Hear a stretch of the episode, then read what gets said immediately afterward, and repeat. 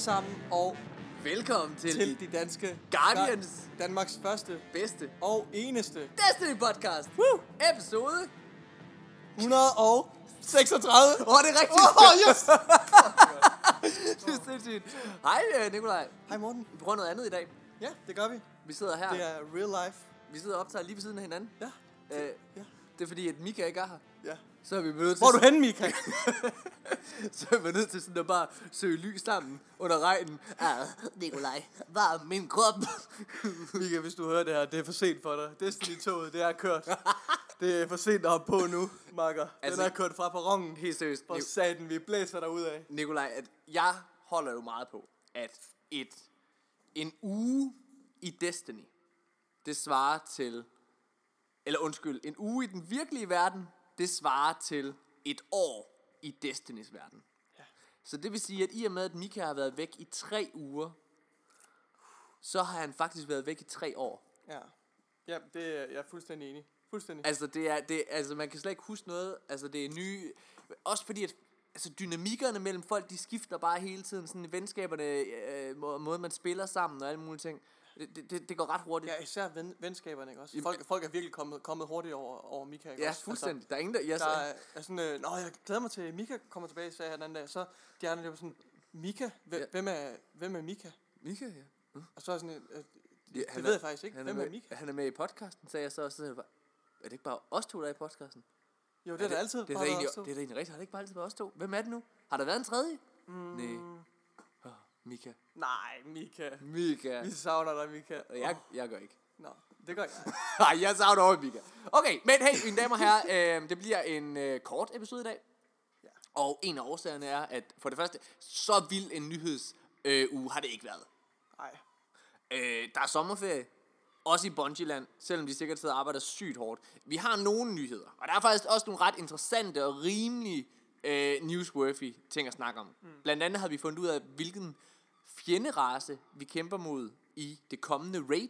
Ja, det skal vi snakke Det skal vi snakke om. Vi skal snakke lidt omkring, hvad det betyder for historien. Ja. Vi skal snakke omkring artefaktsystemet. Vi skal snakke omkring Solstice of Heroes. Og meget, meget andet. om. Ikke så meget andet. Jo, meget andet. Har du ikke set mit manus?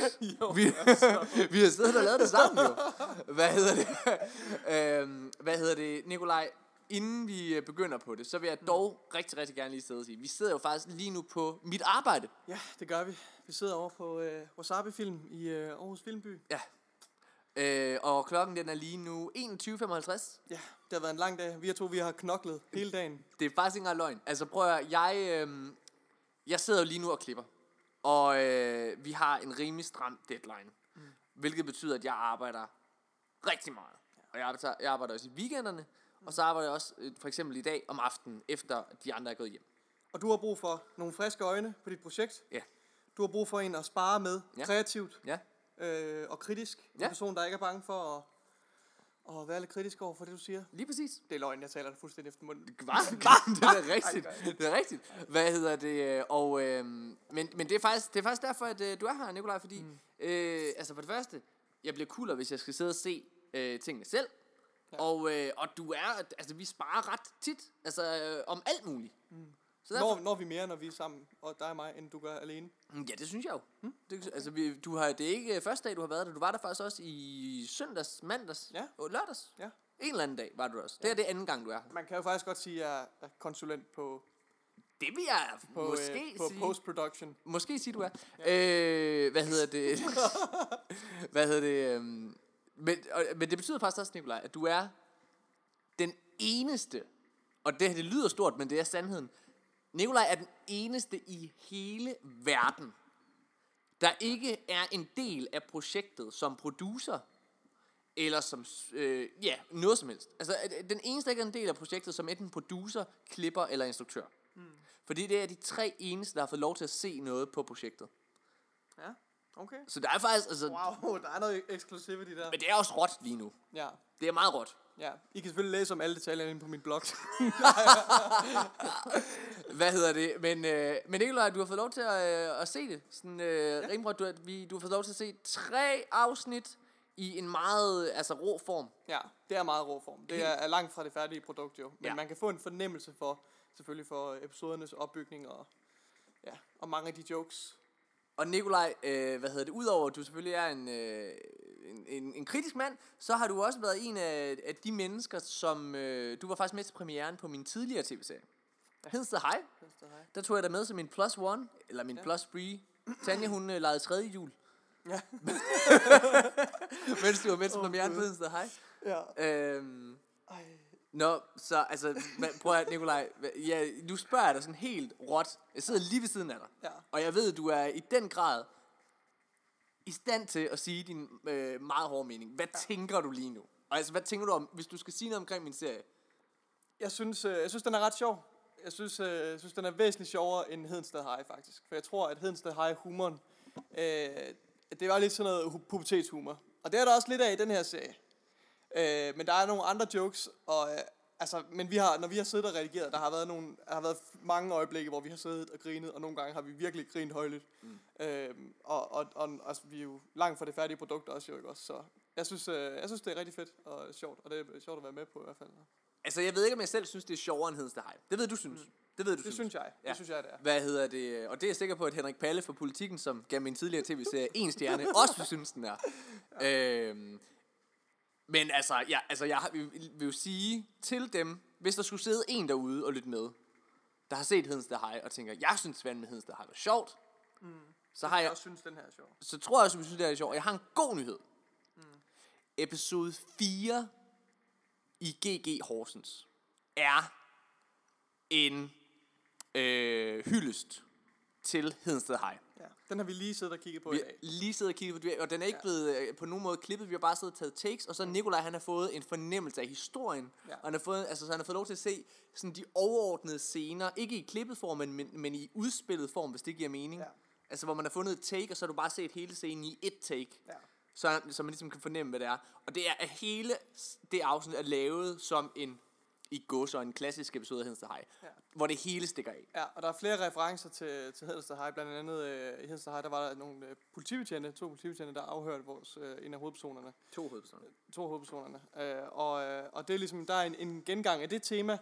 Øh, og Plus så er det der de samme skuespillere. så er der, det samme skuespiller, spil, som, øh, som politibetjenten, som så nu her er bankmænd. bankmænd, det kan jeg godt Det er der spår med Carsten Bang. Yes, øh, og øh, så kan man sige, for den generelle opbygning af episoden, så er det ligesom om, at det hele det eskalerer, og, og forskellige historier mødes til sidst i klimaks, og det hele eskalerer op til en spids, hvor man, ja, hvor man sidder og tænker, hvordan er vi endt her? hvor man til sidst øh, er faldet ned af stolen og sidder på gulvet og, og skraldgriner.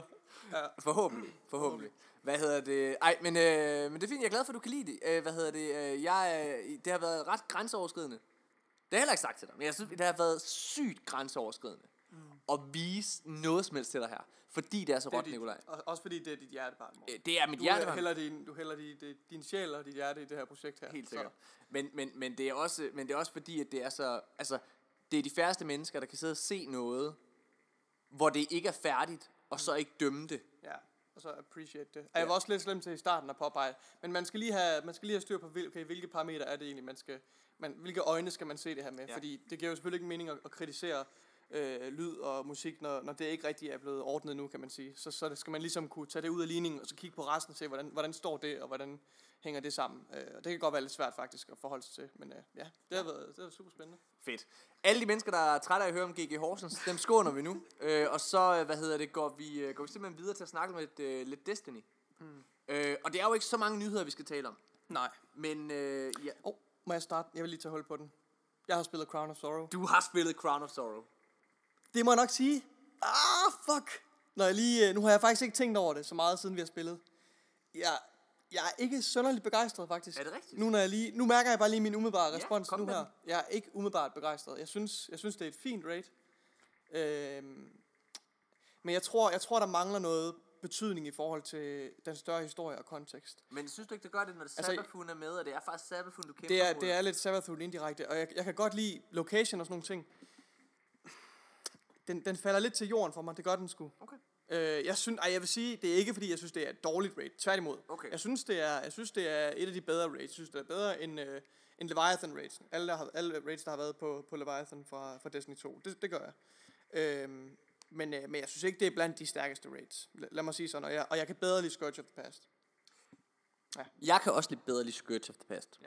Altså, jeg vil hellere, hvis, hvis folk spørger, hvad har du lyst til at gå ind og se eller spille, så vil jeg hellere spille Scourge of the Past. Ja. Men, men, men jeg tror også, det handler rigtig, rigtig meget om, at for mig så er Crown of Sorrow, det ligner, det er, altså det ligner ikke noget, jeg har spillet før, men det gør det lidt alligevel, fordi det er nøjagtigt de samme farvenuancer, som er blevet brugt i Kingsfall. Mm. Så på den måde, så er der en eller anden form for, altså jeg bliver ikke wowet på samme måde, mm. som jeg bliver i Scourge of the Past, som foregår i nogle helt nye visuelle omgivelser, ja. øh, og hvor mechanics også er anderledes, og du har hele det her øh, Sparrow Race, øh, som er sjovt, og øh, folk altid fejler ved, og så videre.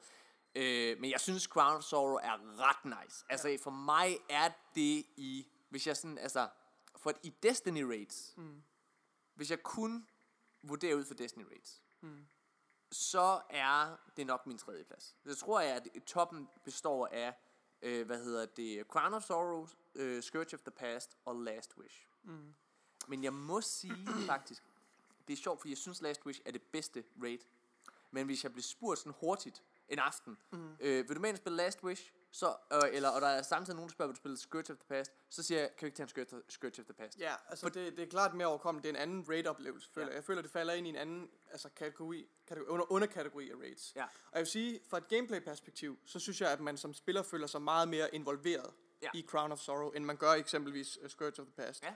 Jeg synes, der er rigtig meget fucking rundt, og øh, altså, man kan virkelig og det ved jeg, fordi jeg har jo ikke spillet så meget. Man kan godt være, være ham, der, der er lidt expendable og ikke øh, nødvendigvis øh, har de, de kritiske roller i, øh, i, i hvad hedder det, Scourge of the Past for eksempel. Jeg føler, at øh, der står lidt mere på spil, også fordi man bliver isoleret, ikke også? Spoiler alert. Man bliver isoleret i, i, i par, øh, som spiller og skal arbejde sammen i hver hinandens øh, rum øh, og koordinere på kryds og tværs, og det var rigtig hektisk. Det er jo et halvt år siden, at Scourge of the Past kom ud. Og vi har jo lige øh, hvad hedder, konkluderet, at øh, en uge i øh, Destiny-sammenhæng, det er et år. Så altså, i teknisk set har Scourge of the Past været ude i øh, 30 år. ja. Så du må godt spoil det. Ja. Øh, men jeg synes, øh, jeg synes øh, tematisk synes jeg, at, øh, at Crown of Sorrow står lidt svagt. Øh, det gør det. Okay, jeg synes, jeg synes, at temaet og historien er der, hvor det står stærkt. Okay.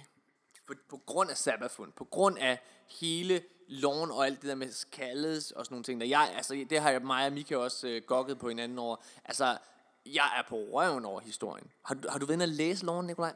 Øh, jeg har ikke læst den i detalje. Jeg tror Nej. stadig, jeg har læst mere, end I har. Det tror jeg også, du har. Det tror jeg også, du har. Men, øh, men jeg har kun lige skrabet overfladen, og det er klart, men jeg er bekendt med, med historien, som, mm. altså sådan, ja. den overordnede historie. Øh, og jeg tror helt sikkert, der er lidt mere øh, mening og med galskaben at hente øh, der øh, ved loven. Men, øh, men jeg står ved, jeg synes også, at jeg føler mig stadig ret distanceret for, for, for bossen. Altså man har ikke rigtig noget forhold til bossen. At det, men det er også det samme som Scourge of the Past jo. Men, men på en eller anden måde, så synes jeg, Scourge of the Past er en, er en mere tilfredsstillende oplevelse. Men det er også på grund af omgivelserne. Jeg synes, omgivelserne i Scourge of the Past er virkelig... Altså, synes, det, det, det føles som et mere udarbejdet raid, end uh, Crown of Sorrow gør. Jeg tror, vi står, øh, altså, jeg tror faktisk, vi er ret enige om den holdning. Men jeg, jeg, jeg er jo enig. Men vi sidder med, vi sidder nogle, med nogle forskellige stemninger omkring, ja. omkring, øh, omkring rated. Ja. Men jeg, jeg har heller ikke haft så meget tid til at tænke over det, det vil jeg sige. Det her det er min øh, ufordøjede øh, holdning til det, og det kom sådan meget umiddelbart. Jeg kunne bare mærke, lige da du spurgte mig, der kunne jeg mærke, at det var ikke en begejstring, der ramte mig. Det var sådan en mixed feelings, ja. little bit underwhelmed. Hvad vil du give rated fra 1 til 10? Det vil være unfair at kritisere det nu, og lave sådan kvantitativ, men jeg vil sige fra 1 til 10, mm. En 7 eller en 8. Okay, og hvad vil du give Scourge of the Past? 8. Det vil jeg give 8, ja. Det tror jeg nok. En stabil 8. Ja. Fedt. Og Last Wish? Ah, 9-10. Uh, der er vi deroppe. Shit, ej. Okay, hvad hedder det? Øh, men lad os gå videre. Øhm, inden at vi går ud, eller inden at snakke om nogle af de konkrete nyheder, Nikolaj, mm. så vil jeg rigtig, rigtig gerne snakke omkring PvP lige nu. Wah, wah. Ja. PvP er sjovt. Det jeg synes jeg altid PvP er. Men noget, der gør et PvP i Destiny lort, det er, når det er ustabilt. Mm. Og det føles som om, Nikolaj, at efter den der fucking update med uh, cross-save, den kom her for halvanden uge siden eller sådan noget, ja. så har, så har uh, PvP-oplevelsen i Destiny simpelthen været virkelig, virkelig dårlig. Ja, altså der har været en irriterende, en irriterende glitch. Jeg synes faktisk generelt, der har været problemer med connection ja. øh, til serveren, til, og jeg ved ikke, om det må være noget i Bungies ende, mm. øh, fordi det er det eneste, der har ændret sig. På det seneste. Der, jeg har ikke ændret internetforbindelse. Altså, og der, er- jeg ved også, der er flere af jer, der har problemer. Ja. Der var også sågar en aften, hvor jeg var nødt til at, simpelthen at logge af øh, Destiny, fordi jeg ikke kunne spille. Øh, men ja, især omkring øh, øh, PvP, der bliver man smidt ud af lobbyen nogle gange. Øh, og så, men det største problem, det er, at spillerne og en selv bliver, altså ens modspiller og en selv bliver usynlige. Altså, vi, var, vi sad og spillede uh, Iron Banner i uh, tirsdags, Nikolaj, sammen, øh, mens vi streamede. Ja. Og Det var altså, vi var, vi, var, vi var begge to lige ved at logge af. Ja. Hvad hedder det? Fordi at, øh, Ja. altså, fordi at hver gang, at en kamp var færdig, så røg vi sådan i en black screen på en eller anden måde. Ja. Og- Det, det ødelagde, det dræbte totalt mit mood omkring det. Og jeg var virkelig gejlet op. Nu skulle vi bare spille noget Iron Banner, så Ja. ja. gik man ind, og så blev man mødt med de der glitches. Det tog fuldstændig Det, jeg er så lysten enig. fra mig. Så enig. Øh, men det viser sig så åbenbart, at man kan fikse det her problem. Der er altså ved at, at åbne sin, er det, sin progress øh, tab, ikke også? Og så gå ind og kigge der, hvor man har alle sine, øh, sine, bar, sine pursuits. Og så gå ud igen. Det skulle til sydenlandet fikse problemet. Jeg ved bare, at jeg gik ind, og så, så poppede jeg en, en bounty. Afleverede en bounty. Og det, det løste problemet faktisk. Det gjorde det også mig. Og så skal man lige øh, respawn. Og så, Men, men, men det er igen den form for, altså det, at du skal ind og læse omkring sådan nogle ting, altså det er bare, det er, ej. Ja. Ja, det håber jeg virkelig bliver fikset. Men Nå. jeg vil sige, efter jeg lærte det, så, så er det heller ikke det store problem. Hvis det sker igen, Ja, ja. så kan man, øh, så kan man øh, lave det trick der, og så, så bør det hjælpe på det. Men Ja, men hvis vi skal snakke PvP generelt, så starter du med at sige, at, at PvP er godt, rigtig godt.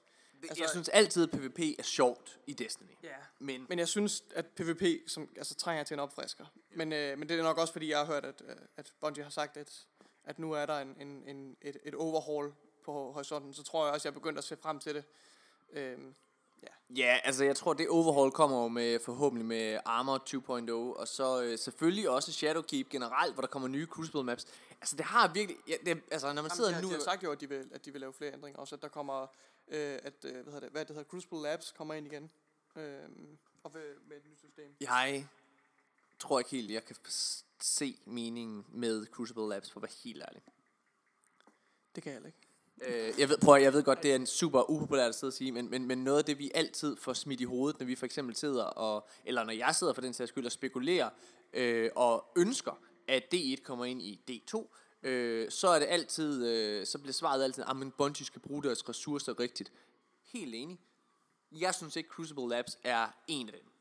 Ej, jeg tror, Altså- altså, der, det, er, det er jeg ikke enig i. Altså, det er måske en måde, de kan, de kan, de kan afprøve store eller nye øh, ændringer i PvP på, på altså, men, men vi- altså, de skal bare begynde at benytte sig af det rigtige. Ideen er fantastisk, at de kan, de kan bruge, de kan lave sådan et konceptuelt lukket rum, hvor de kan teste nogle nye ændringer i spillet på hele populationen, ikke også? Og det er jo, det er genialt i sig selv. De har bare været dårlige til at, at udnytte det. Og så skal der ligesom være nogle, der skal være nogle guldrødder forbundet med det. Altså, så skal der være nogle fede emblemer med, at man er en, øh, man er en, en tester, eller et eller andet, I don't know. Altså, der er nødt til at være en gevinst ved det for spillerne, udover, ja. Jeg er så enig med dig. Hvis, det, hvis sådan noget der kom ind, så vil jeg også hylde det til skyerne. Men jeg bliver nødt til at vurdere det ud fra, hvad jeg har set indtil videre, og den måde, det er blevet implementeret i spillet so far. Ja. Og der, der synes jeg, det er en slap Helt enig, penis. helt enig. altså det, mine, det er jeg øh, enig i. Fuldstændig enig. Øhm, altså det det, hvis, hvis det var en, øh, en, en penis, der ville skulle presses ind i mig, så ville den være så slap, den ikke kunne. Altså, Ja, så ville den bare- det var ja, bare ja, sådan, ja. øh, øh. Ja. Øh, hvad hedder det? hvad, okay, Nikolaj. Mm. Øhm, Åh. vi to har et vedmål. Vi har indgået et vedmål. Og, Hvad var det, øh, det var? Åh, oh, det er... Nej, du siger det. kan du ikke huske, Jeg hvad, kan godt huske det. Jeg kan godt huske det. hvad er vedmålet? Det er, at... Øh, det er, at hvis... du er så dårlig. Kan du ikke huske, hvad vi har Jo, jo, jo, jo, jo, jo, jeg, kan godt huske, jeg har det lige på tungen. Okay. Det er, hvis, øh, hvis Destiny 2... Nej, det er, hvis... Jeg kan ikke huske det. Jeg kan ikke huske det. Vi to har vædet om. Det er om Shadowkeep.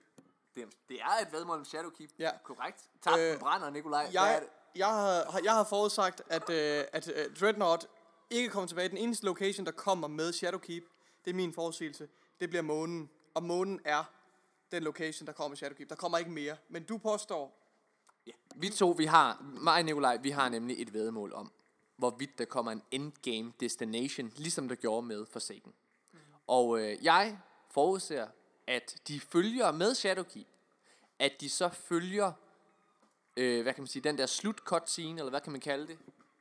ja, jeg tror, vi kommer frem til, at der var to argumenter, som jeg kan, øh, som jeg kan acceptere, som taler for din, øh, din teori. Og det ja. er, Og jeg har også, altså hvis du, ved du, skal vi ikke prøve at, at, at, at skubbe hinanden op, fordi jeg kan også øh, argumentere for dig, kan man sige. Mm. Øh, så hvis du prøver at argumentere for, hvorfor er det, at min holdning har noget vand? ja, der er jo for det første den cutscene, du er ved at referere til. øh, som, altså, altså rækkefølgen, øh, hvor lyset rører forskellige destinationer, øh, afs, altså afspejler ligesom, altså svarer til, hvilken rækkefølge vi kommer til at besøge de forskellige locations. Og Først var det Merkur, ja, øh, så var det Mars, fast, var det- fast forward øh, The Reef, og derefter kommer The Dreadnought, yes. ikke også? Så hvor passer månen lige ind i det billede? Det gør den ikke. så altså, øh, ja, Dreadnought bør være den næste destination efter Reef. Det taler for din øh, teori om, at Dreadnought vender tilbage som en remastered location sammen med månen. Ja, Og noget, der tæller for, at, øh, hvad kan man sige, du har ret i, at den ikke kommer tilbage, Nikolaj. Det er selvfølgelig, øh, men, øh, altså det er selvfølgelig, at det, det er meget arbejde at remaster en hel location. Øh, og umiddelbart er der meget, der peger på, at Shadowkeep er hævet en lille smule ud af numsen. Mm. Øh, på samme måde som Rise of Iron i sin tid blev. Øh, og det betyder, at det er noget, som der er blevet ønsket fra Bungies ledelse, eller Luke Smith selv måske, ja. øh, at, at, altså at, at månen skulle komme ind som den her Fall DLC, så de har mere tid til at forberede, den, forberede det næste. ja. Og øh, noget, øh, altså, der jo bakker det op, det er, jamen, det vil give max mening, at Dreadnought kom nu her. Så fremt, at vi skal kæmpe mod Sabafun. Og det, er jo, det er jo det, hvor, altså vi tror begge to, at vi skal kæmpe mod Sabafun. Ja, altså, det håber vi. Det håber vi. Vi krydser fingre for, at vi skal kæmpe mod Sabbath. og hvis det er, at den forudsigelse om, at vi skal kæmpe mod Sabafun her i Shadowkeep, holder stik, mm. så ville det kun give mening, at Dreadnought kom med den udgivelse. Fordi Ja, fordi hvor, hvor passer Dreadnought ellers ind i ligningen, hvis, Ja. hvis ikke med, med Sabafun. ved at vi besejrer den sidste, øh, eller ikke den sidste, men at vi besejrer en, endnu en stor hive god, Lige præcis. goddess. Men øh, man kan sige, bare fordi vi synes, det passer ind, så er det jo ikke ens med, at, at det er det, der sker. Og Allegiance-questen, der kom tilbage med, øh, med Season of the Drifter, er et rigtig godt eksempel på det, hvor vi havde forudsagt, at The Rose, den der nu hedder Lumina, øh, hvad hedder det, kom ind med, øh, med Allegiance-questen som en reward. Det forudsagde vi på grund af, at det gav mening. Vi forudsagde det, fordi det gav max mening i den lore, og den historie, det tema, som Bungie præsenterede med Allegiance-questen. Ja, Men vi tog fejl. det gjorde vi. Det gjorde det ikke. Der var de sådan lidt ligeglade. Lumina kom bare ind, fordi. Så, det er jo noget, der bakker op om, at Dreadnoughten ikke kommer ind. Men jeg tror stadigvæk, den gør det. Ja. Altså, ja. Jeg, tr- jeg tror på, at vi skal kæmpe mod Sabafon. Men jeg vil sige, de har også de har sammenlignet månens location rigtig meget med Dreadnought. Ja. Og det er der, hvor jeg siger, jamen, de elementer øh, fra, fra månen, som kommer til at minde om Dreadnought, og som er blevet, øh, blevet skabt med, med, Dread, med Dreadnought i tankerne, det er det her uh, The Keep. Er det ikke det, det hedder? Jo. Som er, bliver Savathuns, eller altså, hvem det nu end er, øh, base, altså det her store øh, røde hive-slot. Øh, og det tror jeg, det bliver en location. Det bliver, altså jeg, jeg tænker på Shadowkeeps øh, månedestination som øh, månen, som vi kender den fra D1, hvor du bare lige har remasteret de gamle locations, og så smækker du bare The Keep ned på overfladen, og The Keep er mere eller mindre designet øh, med, altså efter øh, Dreadnoughts, altså med, med Dreadnought for ikke også. Det Jo. er, det er min teori om, hvordan, øh, hvordan Shadowkeep øh, kommer til at udfolde sig. Noget, der ikke taler for min forudsigelse omkring, øh, at Dreadnought vender tilbage. Mm. Det er, at øh, Bungie er i et interview til Polygon, hvor de taler omkring de nye artefaktsystem. Ja. Øh, der er de kommet til at afsløre, hvilken fjenderace vi skal kæmpe imod i det kommende raid, der kommer med Shadowkeep. Ja, Og det er ikke Vex, eller undskyld, det er ikke Hive, eller, det er ikke Hive eller øh, Taken. Hvilket det jo vil være, altså det er det ikke umiddelbart i hvert fald, det kan jo selvfølgelig Nej. være, det også er dem. Ja. Men det de siger, det er, at vi kommer til at kæmpe mod Vex ja, i Black Garden. ja. Og Black Garden vender jo så også tilbage som location, kan man sige. Ja. Men, men Øh. må jeg udfordre dig en lille smule? Ja. Øh, på at det stadig kunne være Sabafun, som du kæmpede mod i Black Garden. Det tror jeg, det er. Nå, Jeg tror også bestemt, det er Sabathun, vi kommer fordi til at mod Black Vex Garden. kunne jo godt være også som fjende. Vex skal godt være under kontrol af Sabathun. Altså, Præcis. sagtens. Øh, og jo, også fordi der er jo en direkte forbindelse mellem mørket og The Vex. Ja. Øh, hvis man husker tilbage til Destiny 1, til den sidste mission, vel at mærke, i Destiny 1, hvor man tager ind i, øh, i Black Garden og ødelægger dets hjerte, som er den her store øh, darkness, øh, hvad hedder det, bold på himlen.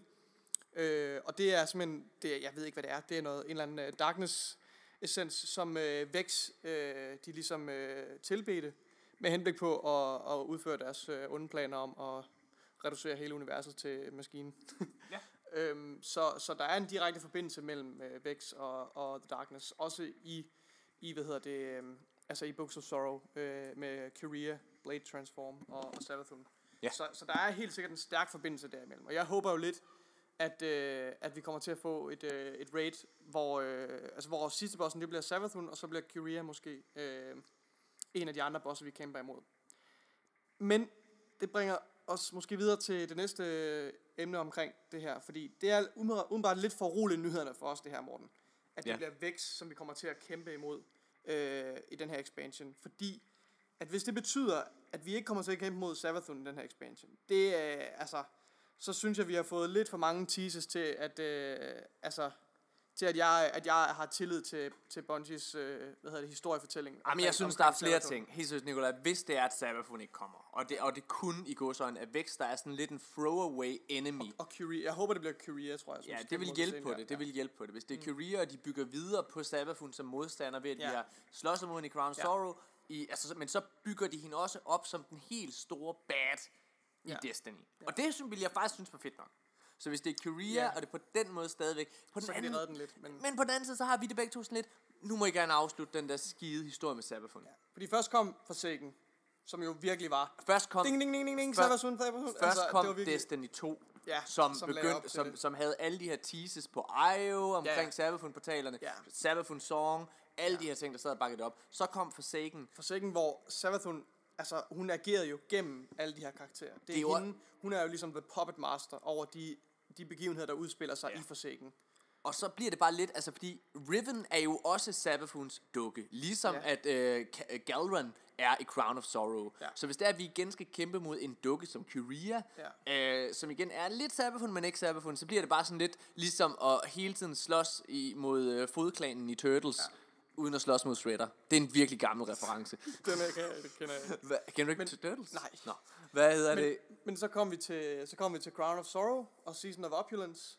Og der tænkte vi jo, okay, Crown of Sorrow, nu, Ja. nu står vi på Savathuns dør, øh, dørtrin, ikke også? Jo. Nu skal vi sat med ind og give hende nogle bøllebakker. Ja. Fordi Crown of Sorrow, altså kronen til kongeriget, altså, nej, men nej, det var det ikke. Og det nu laver, de, nu laver de en ny expansion, hvor Eris Morn, som er den Ja. karakter, der er allermest tilknyttet ja. til Sabafun og Highfrasen. Ja. Hun er vores fucking venter. Og hende, der er, hvad kan man sige, er katalysator for historien, ser vi jo i, øh, i det der, øh, hvad hedder det, Vidoc show der. Øhm, hvis det er, at Sabafun ikke er her, så laver de igen en cocktail. Og, og, og, med. og det værste, Nikolaj, i min optik, det er jo, og det er det, der mig bange, det her. Mm. Fordi nu ved vi jo, at der kommer altså et øh, season pass igen, eller Ja. øh, øh, med øh, Shadowkeep, Ja. og det betyder, at der går et år, før vi får Sabafun, måske, potentielt for afvikling. Ja. Ja, det er, det er virkelig, virkelig foruroligende. Øhm, hvis Savathun ikke øh, Ja. møder os nu her. Ja. Det synes jeg virkelig, det er. øhm, men, nu, men nu må vi se, mand. Ja. nu må vi se, Nikolaj. Grunden til, at øh, det artefakt, vi får, for hvis vi lige hurtigt snakker om artefakt, hvad hedder det, så øh, øh, har de afsløret, at artefacts kom, bliver en af årsagen til, at du går ind og spiller. Mm. Øh, fordi hver, efter hver song, så skifter dit artefakt. Og det den- gamle, det bliver obsolet. det bliver obsolet. Og det er for at undgå power creep. Altså, Ja. så du ikke bare hele tiden bliver stærkere og stærkere. Og, Og, flere øh, og flere perks. Og man kan sige, det her, øh, de gamle, øh, eller det her artefakt her, den kommende sæson, den hedder jo Season of the Undying. Ja. Og den kommer til at handle om, øh, om Vex, som vi så også åbenbart skal kæmpe mod i Raided. Mm. Og det er derfor, at det hedder Eye of the Gate Lord. Og den kommer til, artefaktet kommer til at give os en, en, øh, en eller anden form for bonus mod Vex-fjender, ser det ud til. Ja. Øhm, ja, men det, den bliver altså obsolet efter en sæson. Ja. Hmm. Jeg ved det ikke. Altså, jeg synes, det er spændende. Altså, ja. ja. Jeg synes, det er spændende, men jeg har svært ved at placere det. Men jeg har også svært ved at jeg, regne jeg, ud, jeg, hvad jeg, det kan er, de ikke se, vil. hvordan man ellers skulle gøre det, fordi hvis, hvis, øh, hvis, de her, hvis de her artifacts for hver sæson skulle være en permanent tilføjelse, Ja. så, kunne, så kunne deres indflydelse på gameplayet jo ikke være fuldstændig overvældende. Fordi så vil der jo opstå power creep, og det vil, det vil jo ødelægge spillet på sigt jo ikke også. Altså så, så, så det er jo den eneste logiske løsning, der er på problemet. Og jeg tror da, det kan, det kan være en, øh, en rød tråd, som de siger, igennem, øh, altså for at give Destiny oplevelsen noget momentum i løbet af, af sæsonen. Øh, så jeg tror, det har rigtig højt, øh, stort potentiale. Det, det gør jeg. Ja, også mig. Lad os øh, gå videre, Nikolaj. Øh, Tribute Hall har været her. Det har vi snakket om i sidste episode også. Ja. Øh, men der var nogen, der har cheeset det lort. Ja, Ikke os, nej, heldigvis. kan også. Vi er Fordi heldige, hvis vi havde cheeset, Nikolaj, Så, havde vi faktisk fået tra- fratrukken øh, en stor del af vores reward. ja. Bungie går simpelthen ud, og folk, der har cheeset og for eksempel fået Catalysten, Ja, man kan åbenbart allerede få Catalysten. det, det kunne du cheese til, og det har Pep-Out fået. Pep-Out Jeg tror, at Nexability har snydt også. for- Tror du det? Ja, jeg tror jeg. Fordi, altså, Nexability, han er den dygtigste Destiny-spiller, ja. vi kender. Ja. Han er, han er sat med mesteren, ikke også? Men Pep-Out, selv han kan ikke klare alle de tributes. nej, det er lidt for hurtigt. 50 tributes, ej 45 tributes. Sat med voldsomt. Men på den anden side, hvis der er nogen, der har haft så mange materialer, så er det fandme ham. Ja, det er selvfølgelig rigtigt. Men uh, Pep-Out, han havde snydt. Oh, han har snydt så Og han, så han havde fået den catalyst, og det betyder, at han nu får frataget hans catalyst, så han skal altså ind og spille for at få den igen. Nikolaj, Ja. jeg synes, det er så fedt. Ja. Jeg, dig og mig, vi, øh, vi bliver ofte upopulære, når vi sidder og spiller med, med nogle af vores venner, fordi ja. vi er ikke glade som udgangspunkt for at tease noget. Nej. Vi vil gerne, øh, vi vil gerne spille tingene, som det er. Ja.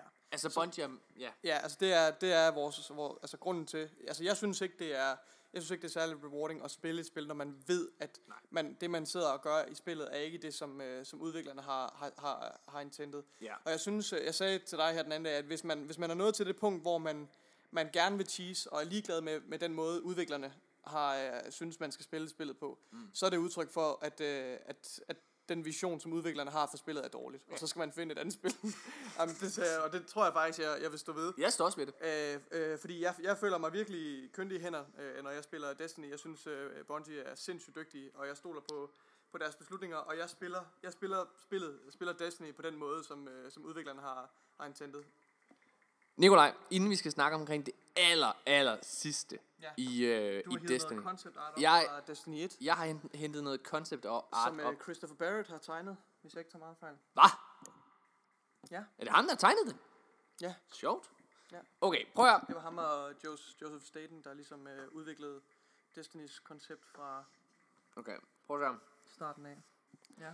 Det her, det er simpelthen concept art. Vi sidder og kigger på Ja. øh, fem raser. Det er det concept art for det oprindelige Ja. Destiny. Ja. Øhm, og øhm, Ja, og man kan i hvert fald tydeligt se, at der er et, øh, et koncept øh, med rød baggrund, hvor der, Ja. hvor der er i hvert fald noget, vi kan genkende som vækst, ikke også? Det er en masse altså, mekaniske soldater, der går på, på, på Ja. rækker, ikke også? det er, det er vækst, Det er tydeligvis vækst. Det her, det må være Fallen, Og så ikke har vi sandt? Fallen, det ser sådan lidt, øh, lidt, lidt, altså lidt scrappy ud, ikke også? Der Jo. er nogle, der er godt nok noget, der minder om sådan en, en gående, stor gående robot, men man kan tydeligt se, at det er det koncept, der senere blev til, til Fallen. Ja. Øh, Og så, så- har vi nogle store, bulky øh, fjender, soldater. Det er Kabal i hvert fald, Ja. tydeligvis. Haifa. Og så har vi noget meget sådan organisk inspireret. Øh, ja, det er tydeligvis Hive. Og så har vi den femte race. Ja, hvad er pointen med, at du hiver det her op, Morten? Fordi vi har, jeg tror også, vi har snakket om det her. Vi har snakket om det her. Det er noget, jeg hørte i øh, Fireteam chat. Jeg vil Mhm. ikke øh, selv tage æren for det. Nej. Øh, I de her Shadowkeep noget der. Ja. Så det er sådan, at Gary han påpeger, der er de her, øh, hvad hedder det, øh, de her, øh, Shadows, eller hvad man skal de, de her, de her øh, Guardians er nogen, der spekulerer i, der Ja. svæver. Ja, jeg, jeg så, jeg læste et opkald, eller jeg læste et, uh, en post på, på Reddit med en bruger, der foreslog, at, uh, at det var simpelthen, uh, det var, uh, det var øh, den Exodus, der landede, altså den udflugt øh, mennesker, altså den flugt af mennesker, det første fartøj, der landede på månen, øh, fordi de mennesker ifølge loven, øh, altså gik simpelthen øh, fortabt på månen og, og blev slået ihjel, en efter en. øh, fordi Hive ligesom var, var sat på månen på det tidspunkt. Øh, og der er ligesom, der har han ligesom foreslået, at det er, at det, det er der, de der sjæle kommer fra. At det simpelthen er sjælene, det der er tilbage fra, øh, fra de øh, første mennesker, der landede på månen. Ja. Og det, det, tror jeg også, det tror jeg er et rigtig, rigtig godt bud, fordi de har også netop, udviklerne har jo talt om, øh, hvordan at Shadowkeep kommer til at lægge fokus på øh, menneskets golden age, altså på vores tid før, øh, før The Collapse, og hvor vi gik ud og, og udforskede solsystemet og byggede den her store øh, partikelaccelerator, som man ser også ved øh, på månen fra Destiny 1 osv. Men Nikolaj, øh, Destiny Gary, han påpeger, at han tror, at det her, Ja. faktisk er den femte race, som man ser på det her. Det, det, det er det ikke. Det kan jeg fortælle, det kan jeg fortælle meget hurtigt. Okay. Øh, for det første, den femte race, altså det er tydeligvis Prøv, de der prøv at beskrive, pyramide- beskrive, beskrive, hvad det er, på, man på ser. billedet, der kan man se, det er et, et meget simpelt koncept. Du kan se en figur af fjenden, som er en meget høj og slank figur. Tænk, tænk Slen- Slenderman, ikke også? Åh, Jeg, jeg tænker sådan oh. Ikke også? Prøv at tænke, hvis der var sådan et, et, et Slenderman-type spil i Destiny. Det ville være fucking klamt. Det ville være ulækkert. Og så er der, øh, så er der sådan en, en, en eller anden røgsky af en art, altså sådan en, sådan en eller anden darkness cloud. Og så i baggrunden kan man se nogle fartøjer, nogle skibe, som er trekantede. Mm. Altså, så det er klart, at det er det koncept, der, der, der senere blev øh, pyramideskibene. Det og der- jeg tror ikke, de ting har noget med hinanden at gøre overhovedet. Jeg tror det heller ikke. Men jeg synes, at det var en interessant teori, fordi Men man det er interessant, se... og det er ikke desto mindre spændende at vende tilbage til den her, fordi øh, jeg, jeg, jeg synes også måske snart, vi skal, vi skal tage en snak omkring, øh, omkring det kommende kapitel øh, i Destiny, omkring Destiny 3, omkring hvad vi tror, hvad vi har forudsigelser omkring øh, den historie, for der har jeg en del. Min primære øh, forudsigelse, det er virkelig, at de skal til at få fingeren ud. Altså i, ikke, ikke i forhold til at komme med Destiny 3, fordi jeg synes, at Destiny skal fortsætte, som det er lige nu. Ja. Men jeg er simpelthen bare så klar til at møde nogle nye fjender. Ja, Jeg, det er simpelthen- også. jeg, jeg, altså jeg, er bare, jeg, prøv, nu synes- har jeg simpelthen kæmpet nok mod øh, varianter af Fallen, Ja. eller varianter af Hive, som Taken og Scorn er lidt i min optik, ikke? Øh, hvad hedder det? Og er Siva for den sags skyld, ikke? Ja, fjenderacerne er lidt trætte nu. Der skal noget, der skal noget nyt. Øh, Helt nyt. Det skal der simpelthen. Øh, nå, men prøv at skib og skræk. Øh, vi skal snakke omkring det aller, aller sidste øh, i den her episode. Det er Bungie, der snakker om øh, igen, faktisk. Og det er igen Polygon, vi skal tilbage til. Mm. Bungie snakker lidt omkring, øh, hvad kan man sige, udfordringerne ved at bringe det gamle øh, D1 ind i D2. Ja. Ja, og det er jo faktisk, øh, syn, tror jeg, første gang, at der er en artikel af den her type, som direkte adresserer øh, det, vi har spekuleret over i, i lang tid, ikke også? Og hvor udviklerne næsten svarer på et spørgsmål, øh, Ja. lignende det, vi faktisk stillede Bungie øh, til Gamescom Ja. sidste år. Mm. Ja. Så øh, det er ret spændende. Øh, svaret, svaret er, hvad kan man sige, øh, det er lidt, at de, altså fordi det, det, det de lidt kommer frem til, det er faktisk det her med ressourcerne. De vil gerne, altså at deres ressourcer skal bruges rigtigt. For mig at se, skal vi prøve at læse nogle highlights fra det? Ja. Okay. Hvad hedder det? Øh, bop, bop, bop. Okay, nu skal vi lige finde det. Det er rent mega uprofessionelt. Okay, bop, bop, bop, bop, bop. okay der bliver spurgt ind til, øh, hvad hedder det? In light of players returning to the moon's Hellmouth, one of the old raid locations from the original Destiny, we asked about returning raids like Crota's End. Og så joker Luke Smith med, at din bror, du kan da bare hoppe direkte ned i Hellmouth, hvor Crota's End engang var, men så vil du dø. Den er der ikke længere, Nej. siger han så. Øh, hvilket jo indikerer, at den ikke er en del af Hellmouth med ja, Shadowkeep. Ja, altså, det er, ja, så Crota's End kommer ikke tilbage med Shadowkeep. Med Shadowkeep, nej. Mm. Øh, I hvert fald ikke, hvis man skal tro det her. Mm. Øh, men så går, bliver han lidt mere seriøst. Øh, han siger, øh, What's the mix of old and new in Destiny? Smith asked. I'm not uh, directly a parent. If I were a parent with, uh, with multiple ch- children, og her snakker han selvfølgelig om raidsene som hans børn, I imagine I would feel a similar uh, I would feel similar about each child, the way I uh, feel about all the rage, raids. I love uh, all of them. Ja. They are di- uh, they're all different and unique, and I miss playing them. Ja. Så han, så han giver udtryk for, at han savner de her... Han savner han savner raidsene.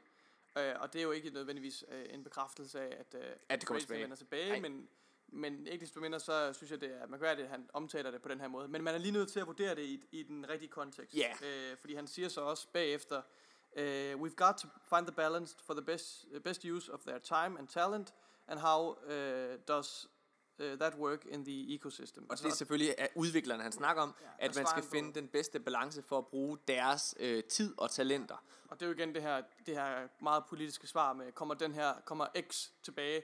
Jamen vi er nødt til, og det skal være en balance mellem, hvad, hvad bruger vi energi og ressourcer på at bringe gamle ting tilbage, eller skal vi bruge energi og ressourcer på at, og ligesom, øh, at, at lave nye oplevelser? Øhm, Og så siger han hernede, øh, hvad hedder det, Smith said uh, the hypothetical question that he and the rest of the Bungie leadership team ask is, what's the next form that we want Destiny 2 to take? og Nikolaj. Det her, det synes jeg, og det her det er helt grund til, at vi skal snakke om den her artikel. Ja. Fordi det her, det er det, jeg synes er spændende. Ja. Fordi jeg, det- når det er, de bliver spurgt omkring Destiny øh, og gamle raids og alle mulige ting, så bliver de ved med sådan at sige, ja, men Destiny 2, Destiny 2 har og det prøver jeg nu, vi er gået over i tolkning nu og alle mulige ting, så I, øh, I må bære med os, eller bære med mig i hvert fald. Øh, fordi jeg tror selvfølgelig, at D1 kommer ind i D2, men øh, jeg tror heller ikke, der kommer et D3 som sådan. Altså, jeg kommer, øh, der kommer ikke et hardcore reboot af Destiny-franchisen. Det vil ikke give mening i min optik. Men det, der er interessant, det er, at han siger her direkte, at de snakker omkring det her med, at de skal finde en balance. Det, han giver udtryk for, at han gerne vil spille gammel content igen. Det er det, han siger Ja. deroppe. Er vi ikke enige om det, Jo, det, er, det, det vil jeg give ret i. Og han vil, han, øh, hvad hedder det, øh, giver, og så, eller så siger han her til allersidst, at de snakker om, hvilken form Destiny 2 skal tage. Når de er blevet spurgt i Polygon-interviewene her de sidste par uger omkring gammelt content, D1 ind i D2, remasteret andre, af andre planeter og sådan nogle ting, så siger de, at Destiny 2 har nogle tekniske begrænsninger. De Ja. kan ikke bare blive ved med at fylde på. Ja, og det er nemlig samme snak det her, fordi ja, jeg synes, det er virkelig, virkelig spændende, fordi jeg føler, at vi bevæger os, vi bevæger os i retning af noget stort her. Så når han siger, hvad er den næste form, Destiny 2 skal tage, Ja. så tror jeg ikke bare, at de skal tænke på den form, Hvor skal vi hen næste gang? Nej. Nej. så er det lige præcis det her med, at jeg tror, at Destiny som software, Som grundspil, som koncept kommer til at udvikle sig. Altså, Ja. Som sagt, jeg tror, vi står på dørtrin til en, en kæmpe stor forandring. Ja. Og det, ja, som du siger, der var den her omtale øh, for nogle uger siden, øh, hvor Mark Noseworthy sagde det her med, at, øh, med, med pladsbegrænsningerne. Samtidig med, at vi igennem de sidste år har hørt, at Bungie har et, et løfte om, at vores tid ikke bliver spildt. Altså, at vores content kommer til at leve videre. og for to, eh, for halvanden måned siden, da de annoncerede Shadowkeep, ja. Sagde de, at Destiny 2 ville fortsætte mange år ud i fremtiden. Det Ja. sagde de direkte. Ja, og Destiny 2 New Light, som bliver free to play som et, som et nyt fundament. Øh, og det faktum, at Destiny 2 er overlegen på alle måder i forhold til Destiny 1 Så bliver som, et, som et fundament. Altså, så, så er det bare tydeligt, at Destiny, Destiny kommer til at fortsætte som oplevelse. Vi kommer ikke til at få et hard reset. Lad mig, ja, det, det er der ingen tvivl om. Det, der er ingen tvivl. Men Så vi, de- vi, står, vi står virkelig på dørtrinnet til en stor forandring af, af Destinys... Altså, Så hvordan kan de løse den her med, altså den her tekniske begrænsning, som de snakker om, men som de siger, vi ikke vil komme til at mærke? Fordi de siger jo direkte her, ja. Destiny 2 fortsætter. Mm. Øh, mange år i fremtiden. Øh, de har lavet det her, øh, hvad hedder New Light, så de får nye spillere ind. Øh, hvad hedder det? De gør alt for at holde fast i spillerbasen. Mm. Så hvis det var, at de lavede et reboot, så ville de miste rigtig, rigtig mange. Øh, altså prøv, Nikolaj, vi kan jo sammenligne med, hvis det er, at vi sidder og streamer, og vi er oppe på x antal, øh, hvad hedder det, øh, folk, der sidder og ser med, mm. så os antage, at der går et eller andet galt mm. i vores stream. Så vi skal lukke vores stream ned ja. og genstarte streamen. Så er det ikke alle, der sad og så med før, der sidder Nej. og ser med igen, fordi det er lukket ned. Men det er en dårlig Det sammenligning. er en pisse det, god vil, det sammenligning. vil svare til, at Destiny-serveren gik ned i en uge, og så tændte de op igen. Det betyder jo ikke, at alle spillere stopper med at spille. Jeg vil, Det er en pisse god hvis sammenligning. det skulle være en god sammenligning, så skulle de også få amnesia og glemme, at de har set den første del af... Du, nu skal du stoppe. Hvad hedder det? Ja, hvad, hvad, hvad er svaret på det? Jeg, jeg tror simpelthen, at det den retning, det her det går lige nu. Ja. Det er, at de snakker ikke bare om, hvilken form Destiny skal tage, men de snakker også omkring fremtiden for spilindustrien. Mm. Og øh, det alle snakker om lige nu, det er altså streaming. ja. Men, Play- tro, men tror du ikke, streaming er for langt væk til, det måske er den løsning, der kommer nu her? Jo, jeg tror, Jeg jo. tror, det er next gen, der måske er Jeg tror, jeg tror, men jeg tror, det er en hybrid, fordi jeg tror, de skal lave et, øh, hvad kan man sige, en overgang til det. Mm. Jeg tror, det der er, er løsningen, det er next gen consoles, Ja. som de begynder at klargøre sig på. Hvis vi sidder og lytter til både Xbox og Playstation lige nu, så det som alle øh, bosserne fra de to respektive største platforme i verden sidder og siger, jamen det er, at de gamle spil, og det gamle, pub, det gamle publikum, Playstation 4-spillerne og Xbox One-spillerne, de vil stadigvæk spille med på den nye platform. Fordi de jo ikke er interesseret i at miste deres spillerbase. Nej. De er ikke interesseret i at miste deres ekosystem. Og derfor så vil Destiny 2 fortsætte ind i PlayStation 5.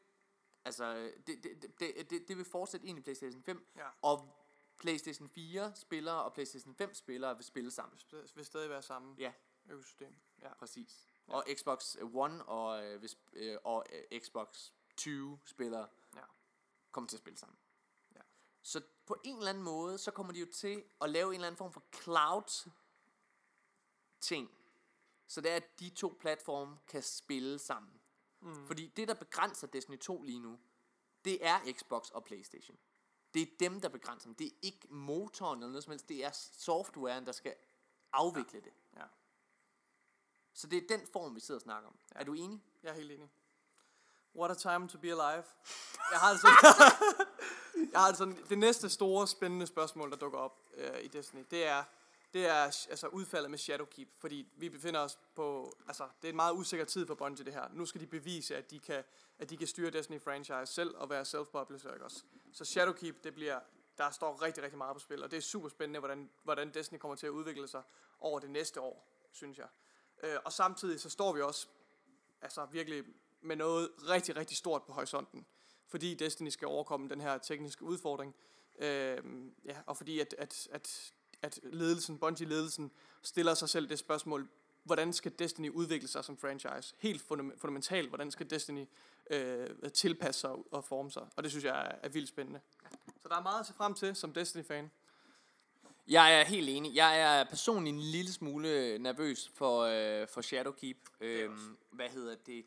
Jeg er jo... Øh, men det er fordi, det er længe siden, at Bungie helt selv som firma har imponeret mig. Har imponeret, ja. ja. Øh, altså fordi, at, og jeg tror, det er derfor, at, at jeg måske også har været en lille smule kritisk, fordi at jeg synes egentlig, Nikolaj, jeg synes ofte, at vi, vores podcast ender altid lidt med at tage det upopulære standpunkt. Virkelig?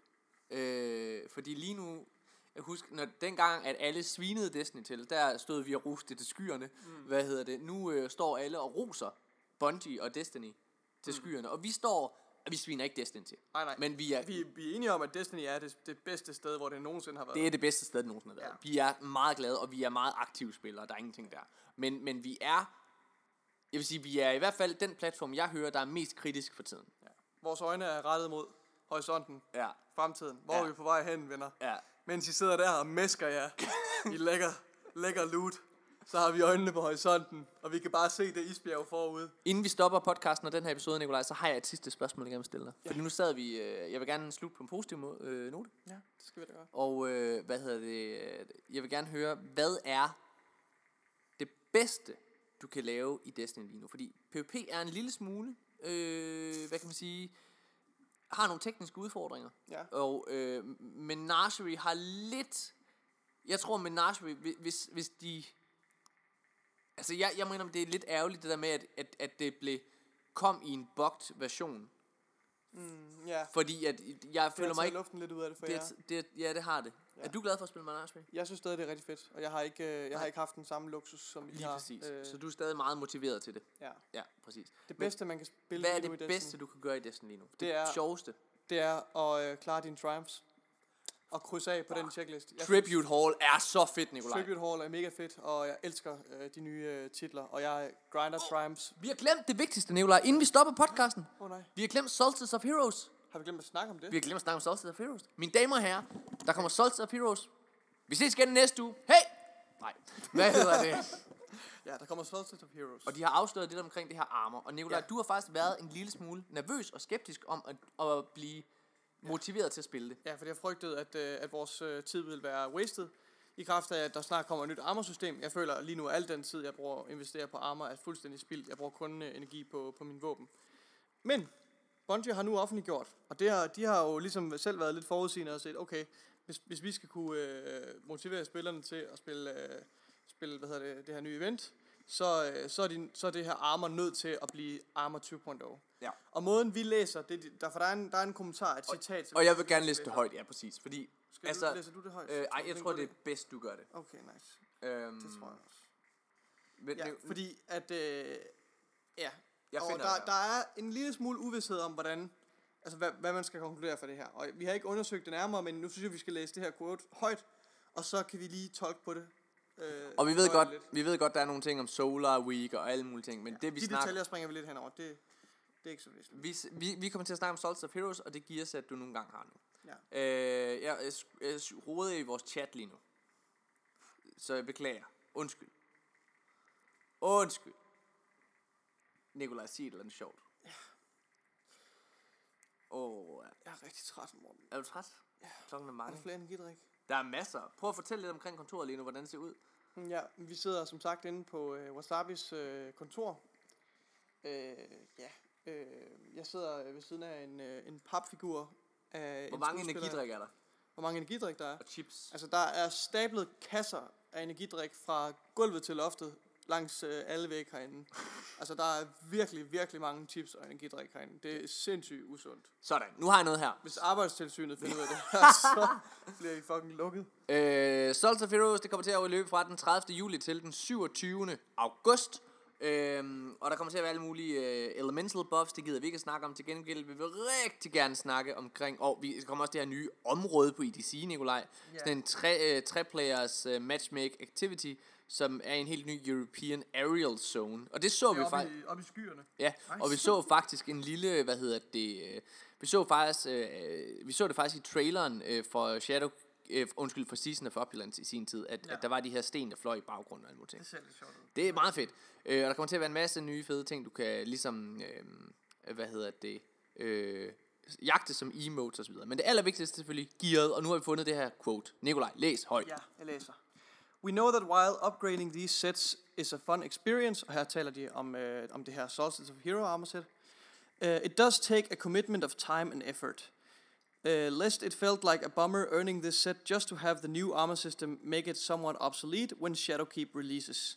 We decided, based on player feedback, to make Solstice of Heroes armor set the first Armor 2.0 set you will receive, assuming you earn it, of course.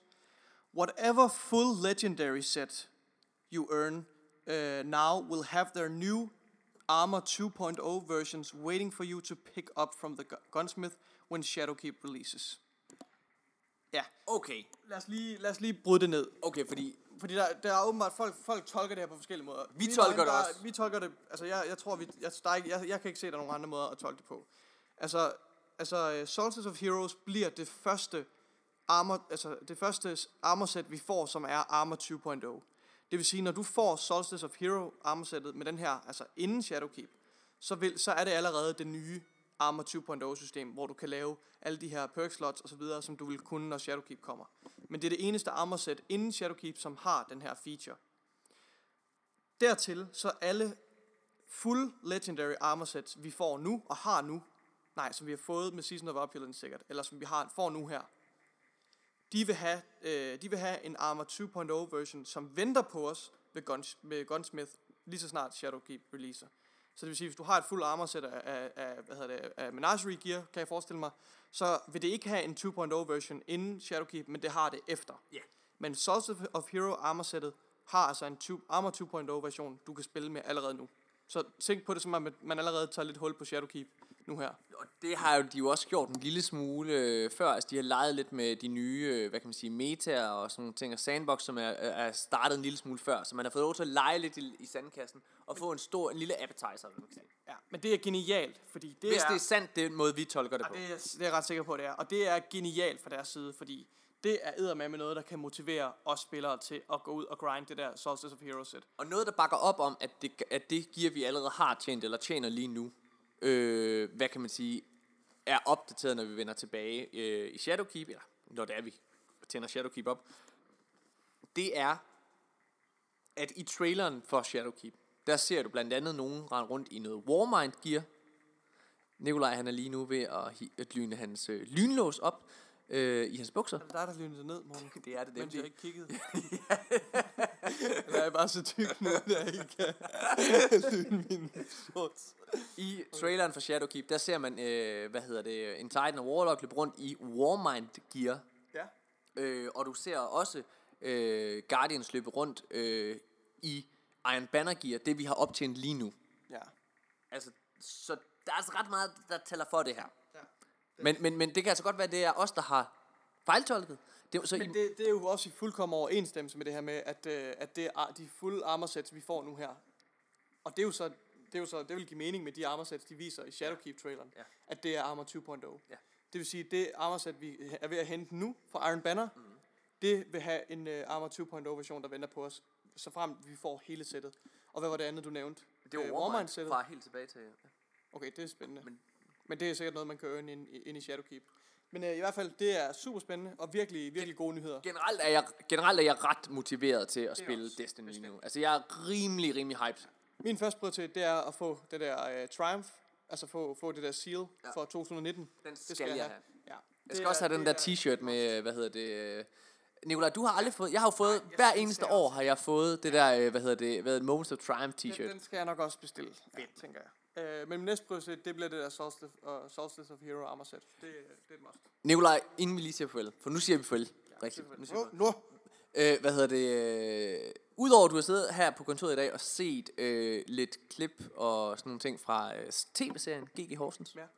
så har du også set et klip fra noget andet, der kommer. For der, er jo, der blev jo lavet en anden, en programserie, der hed, som, som vi ikke helt ved, hvad, Behind the scenes. ja, vi ved ikke, hvad den hedder endnu. Øh, men øh, den kommer til at, den følger produktionen af GG Horsens, og Ja. der er jeg jo rimelig fremtrædende. Øh, Du er en rimelig central øh, person, ja. og der har jeg altså ret tit øh, en øh, De Danske Guardians t-shirt på. Ja, det er rigtigt. Der er endda et klip, hvor både dig og din chef står og peger på DDG-logoet. Ja. Åh, oh, jeg elsker det. Det var det. Det var det. Piger, tusind tak, fordi I har lyttet med. I næste uge, så er Mika med igen. Åh, oh, det bliver dejligt. Hvem er det nu, Mika er? Det kan jeg ikke Han er vores tredje ven, og vi savner ham. Det er så pinligt, jeg kan simpelthen ikke huske, hvem det er. Nej, vi savner dig, Mika. Come home. Vi ses. Tusind tak, fordi lyttede med for spillet af Destiny. Hej hej. Hello, Destiny, my old friend. I've come to play with you again. Because you have a brand new DLC with a raid and private PvP. And the trailer that has started this hype train. So insane. Let's play the rise of Iron. And now the Iron Lords are gone, but their legacy lives on. Carry on their memories by performing many noble deeds. In the Archon Forge, it is pretty blaming hot. Where's my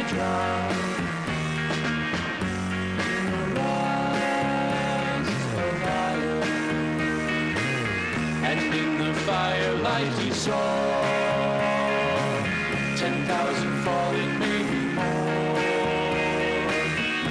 Saladin has issued his orders, he's gathering round our borders.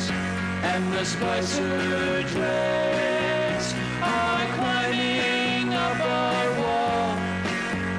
We must all defend the Iron Temple. Hunters, don't forget your bows. A cancer grows.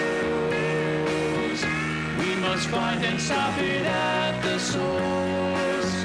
Patrol and quarantine the fallen force.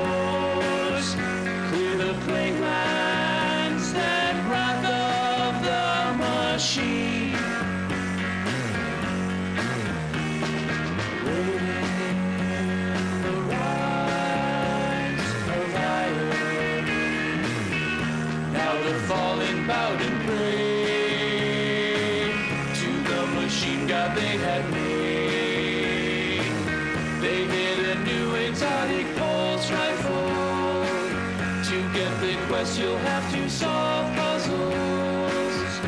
And the tweet said the word on the subreddit is YouTubers have cracked the code. How they know?